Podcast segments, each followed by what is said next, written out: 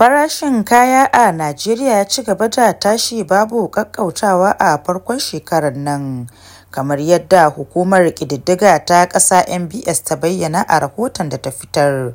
Hukumar ta ce farashin kayayyaki ya yi matuƙar tashi a watan Janairun shekarar nan, domin farashin ya ƙaru da kaso 8.8 cikin ɗari idan aka kwatanta da yadda farashin yake a watan Janairun shekarar 2023. Rahoton ya ce farashin kayayyaki sun ci gaba da hauhawa a farkon shekarar da aka shiga, fiye da yadda farashin yake a watan Disambar shekarar da ta gabata. Hukumar NBS ta ce farashin kayayyakin abinci a Najeriya ya matuƙar tashi a watan Janairun da ta gabata, inda farashin ya ƙaru kuma ya kai kaso 35.41 cikin ɗari bisa ma'auni, wanda hakan ya nuna cewa farashin ya ƙaru da kaso 11.10 cikin ɗari idan aka kwatanta da yadda farashin yake a watan Janairun shekarar 2023, inda farashin yake a matsayin kaso 24.32 cikin ɗari.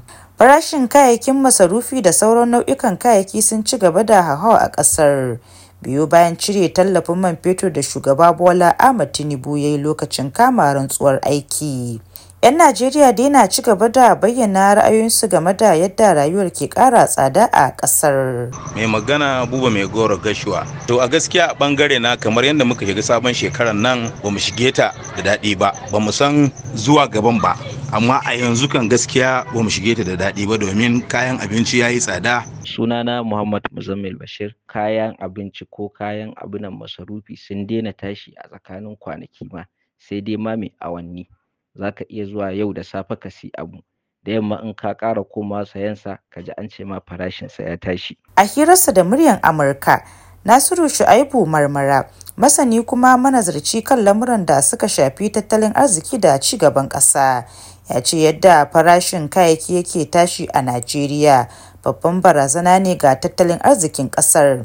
A tabbas yanayin yadda hawa farashi ya kasance a cikin wannan farkon shekarar nan zuwa yanzu tabbas uh, ya karu kuma ba abu ne mai kyau ga tattalin arzikin ƙasa ba. To amma sai dai dama ba abu ne wanda yake uh, ba a tsammaninsa ba. Ga dukkanin wanda yake kusanci ko kuma yake ma'amalantar yanayin yadda tattalin arzikin ƙasa ke tafiya tabbas za a shiga wannan yanayin. Maganar saukan farashi gwamnati ta yi wani abu farashi ya sauka gaskiya a irin tubalin da gwamnatin take yin gini da shi a maganar tattalin arzikin ƙasa zai zama abu ne mai wahala.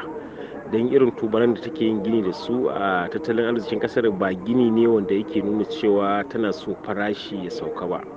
Tana yin ƙoƙari ne na ganin ta cike waɗansu giɓuɓɓuka da suke na daga bashi ko biyan bashi da maganar fundin na na kasafin kuɗi inda za a sami balance a yanayin samun ƙasar da abin da ke shigo ƙasar da kuma bukatun ƙasar na kashe kuɗi. Kawai abin da na fuskanta gwamnati tana ƙoƙarin yi shine tana ƙoƙarin yanayin yadda farashin yake a sama kuma samun 'yan najeriya ma ya ɗaukaka ya zama farashi yana sama su ma samun 'yan najeriya ya ƙaru na kuɗi. So saboda haka sai a daidaita kenan. Yanzu dai hankulan 'yan ƙasar ya karkata ne ga mahukunta domin ganin yadda za su shawo kan lamarin. Rukayya basha muryar amurka daga abuja a najeriya.